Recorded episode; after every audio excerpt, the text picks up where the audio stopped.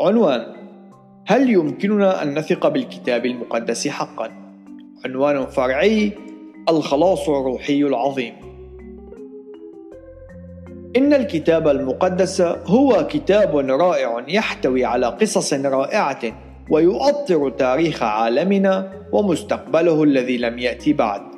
ويجب علينا أن نأخذ إعلاناته على محمل الجد. كما ويجب علينا أن نتذكر بشكل دائم أن كتاب الوحي المقدس كانوا أقرب زمنيا من الأحداث التي كتبوا عنها.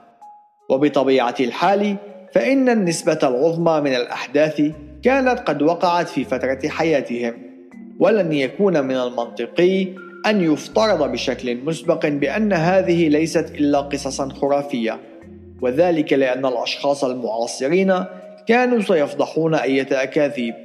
لكن الواقع الذي ينقل لنا أن هذه الكتابات كانت قد قوبلت بالكثير من الاحترام وحفظت من جيل إلى جيل إنما هو مؤشر قوي على أصالتها وقد تم نسخها على وجه السرعة مما ساهم في نقل أعمال رب الإله إلى جميع الأشخاص كي يقرؤوها ويتشجعوا من خلالها.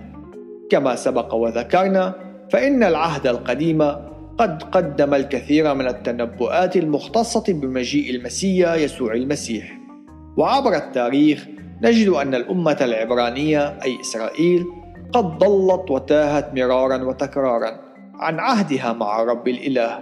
وحين كانت وفية له كان ينجيها ويحفظ أرضها. أما حين زنت وراء آلهة أخرى وعبادات باطلة فإن رب الإله قد دانها على عصيانها وخطاياها. وإن الجنس البشري يمتلك ذات الميل للقيام بالأخطاء عينها مرات عديدة.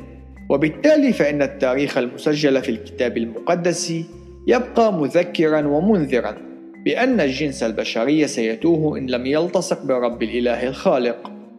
إن رب الإله برأفته علينا قد صنع طريقا يمكننا من خلاله أن نحصل على المصالحة ونعود لنحيا في علاقة الشركة معه.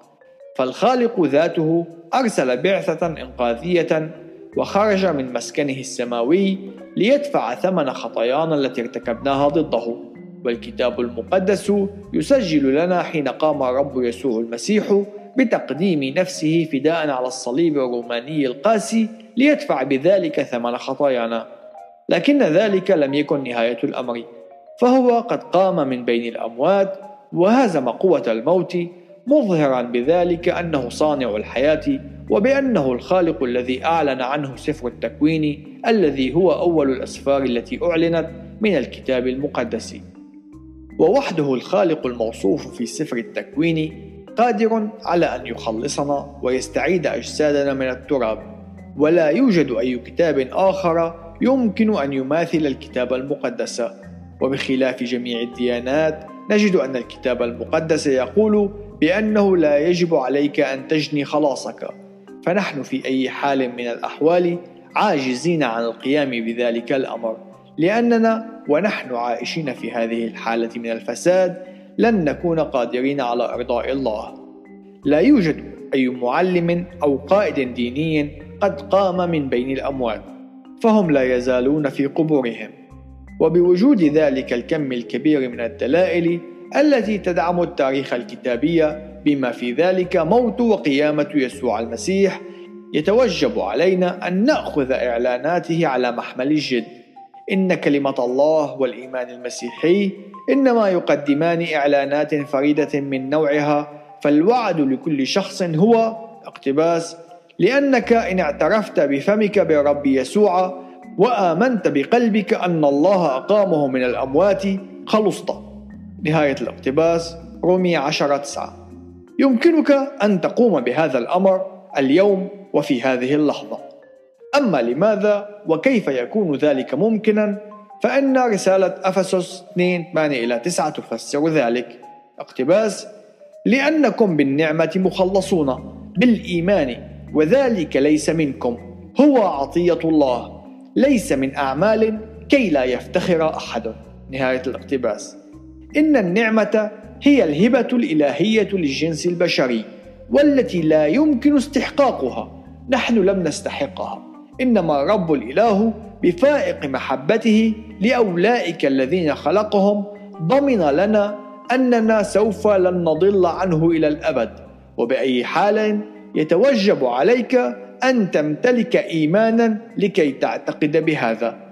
ورسالة العبرانيين 11 6 تصرح اقتباس ولكن بدون إيمان لا يمكن إرضاؤه لأنه يجب أن الذي يأتي إلى الله يؤمن بأنه موجود وأنه يجازي الذين يطلبونه.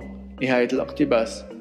نأمل في أن يكون هذا الكتيب قد ساعد في استعراض صحة وأصالة كلمة الله أي الكتاب المقدس وبأنه من الممكن والواجب أن يتم الوثوق بها نصلي أن تكون هذه الكلمات بداية لتساعدك على السير في طريقك نحو المصالحة مع خالقك من خلال الإيمان بيسوع المسيح. هل تذكر أننا في بداية هذا الكتاب قد ذكرنا تساؤلات الحياة المصيرية الثلاثة من أين أتيت؟ لماذا أنا موجود؟ وما الذي سيحدث لي حين أموت؟ إن كنت تستطيع أن تبدأ من خلال الإيمان بالكتاب المقدس من أول آياته وبأنه هو كلمة الله الخالق فإن ذلك سوف يساعدك على الإجابة على التساؤلين الآخرين. لا يمكن أن يوجد هدف أسمى وأعظم من التعرف على خالقك.